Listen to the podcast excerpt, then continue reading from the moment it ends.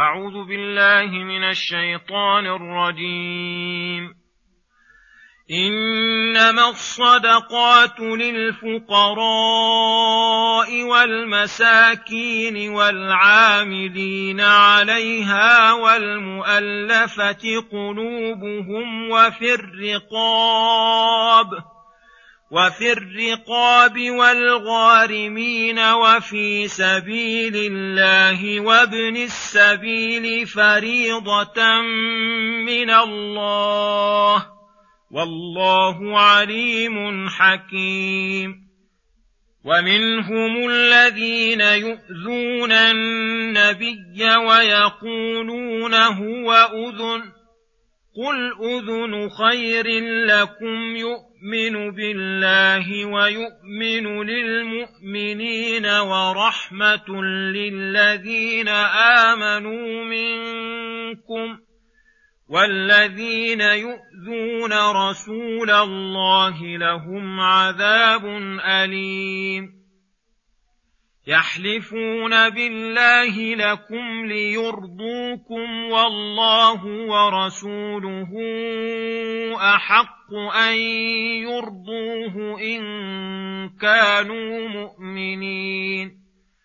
الم يعلموا انه من يحادد الله ورسوله فان له نار جهنم خالدا فيها ذلك الخزي العظيم بسم الله الرحمن الرحيم. السلام عليكم ورحمة الله وبركاته. يقول الله سبحانه إنما الصدقات للفقراء والمساكين والعاملين عليها والمؤلفة قلوبهم في الرقاب والغارمين وفي سبيل الله وابن السبيل فريضة من الله والله عليم حكيم.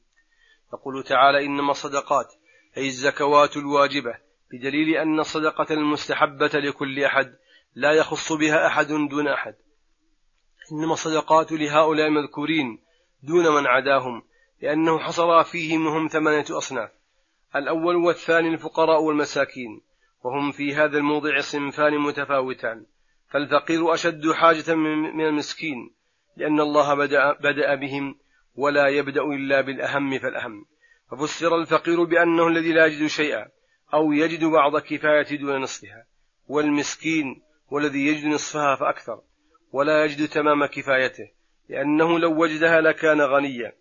فيعطون من الزكاة ما يزول به فقرهم واسكنتهم والثالث العاملون على الزكاة وهم كل من له عمل وشغل فيها من حافظ لها وجاب لها من أهلها أو راع أو حامل لها أو كاتب أو نحو ذلك. فيعطون لأجل عملتهم وهي أجرة, وهي أجرة لأعمالهم فيها. والرابع المؤلفة قلوبهم والمؤلفة قلوبهم هو السيد المطاع في قومه ممن يرجى إسلامه أو يخشى شره أو يرجى بعطيته قوة إيمانه أو إسلام نظيره أو جبايتها ممن لا يعطيها. فيعطى ما يحصل به التأليف والمصلحة. الخامس الرقاب وهم المكاتبون الذين قد اشتروا أنفسهم من ساداتهم فهم يسعون بتحصيل ما يفك رقابهم فيعانون على ذلك من الزكاة. وفك الرقبة المسلمة التي في حبس الكفار داخل في هذا بل أولى ويدخل في هذا أنه يجوز أن يعتق الرقاب استقلالا لدخوله في قوله وفي الرقاب السادس الغارمون وهم قسمان. أحدهما الغارمون لإصلاح ذات البين وهو أن يكون بين طائفتين من الناس شر وفتنة فيتوسط الرجل للإصلاح بينهم بما يبذله لأحدهم أو لهم كلهم.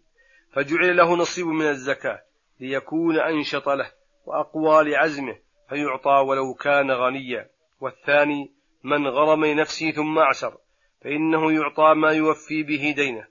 والسابع الغازي في سبيل الله وهم الغزاة المتطوعة الذين لا ديوان لهم فيعطون من الزكاة ما يعينهم على غزوهم من ثمن سلاح أو دابة أو نفقة له ولعياله ليتوفر على الجهاد ويطمئن قلبه. وقال كثير من الفقهاء إن تفرغ القادر على الكسب طلب العلم أعطي من الزكاة لأن العلم داخل في الجهاد في سبيل الله. وقالوا أيضا يجوز أن يعطى منها الفقير لحج فرضه وفيه نظر.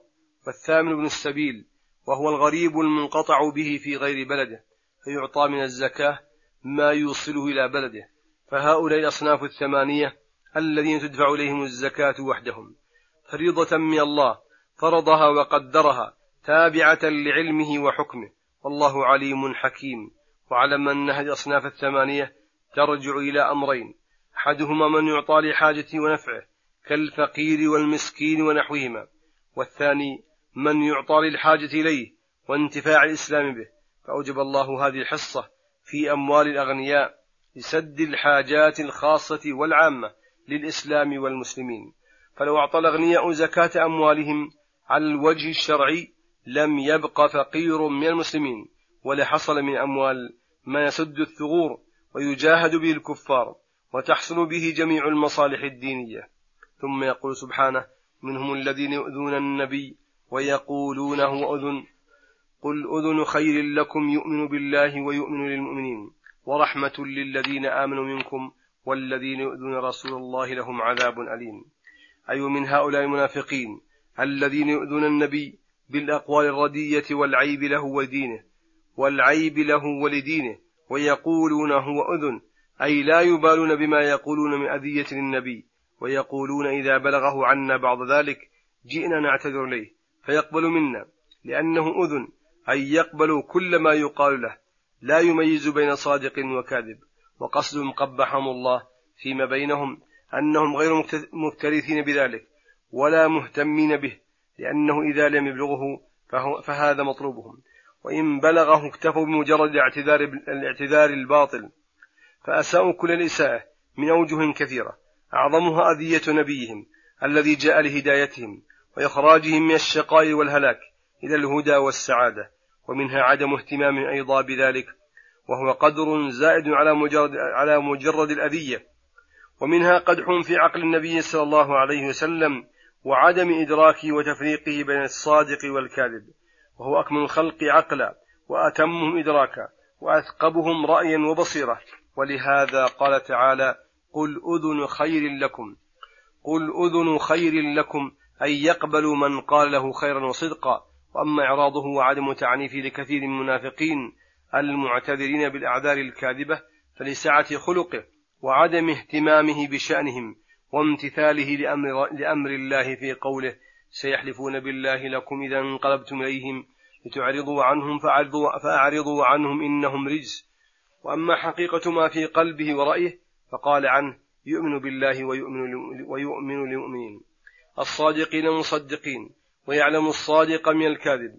وإن كان كثيرا ما يعرض عن وإن كان كثيرا ما يعرض عن الذين يعرف كذبهم وعدم صدقهم. ورحمة للذين آمنوا منكم فإنهم بهم فإنهم به يهتدون وبأخلاقه يقتدون. وأما غير المؤمنين فإنهم لم يقبلوا هذه الرحمة بل ردوها فخسروا دنياهم وآخرتهم. والذين يؤذون رسول الله بالقول والفعل لهم عذاب أليم في الدنيا والآخرة. ومن عذاب الأليم أنه يتحتم قتل مؤذيه وشاتمه. يحلفون بالله لكم ليرضوكم فيتبرأوا مما صدر منهم من أذية وغيرها فغايتهم أن, فغايتهم أن ترضوا عليهم والله ورسوله حق أن يرضوه إن كانوا مؤمنين. لأن المؤمن لا يقدم شيئا على رضا ربه فدل هذا على انتفاء إيمانهم حيث قدموا رضا غير الله ورسوله وهذا محادة لله ومشاقة له. قد توعد من حاده بقوله ألم يعلموا أنه من يحادد الله ورسوله بأن يكون في حد وشق مبعد مبعد عن الله ورسوله بأن تهاون بأوامر الله وتجرأ على محارمه فإن, فأن له نار جهنم خالدين فيها. ذلك الخزي العظيم. الذي لا خزي أشنع ولا أفظع منه حيث فاتهم النعيم المقيم وحصلوا على وحصلوا على عذاب الجحيم. عياذا بالله من حالهم. وصلى الله وسلم على نبينا محمد وعلى آله وصحبه أجمعين. إلى الحلقة القادمة غدا إن شاء الله. السلام عليكم ورحمة الله وبركاته.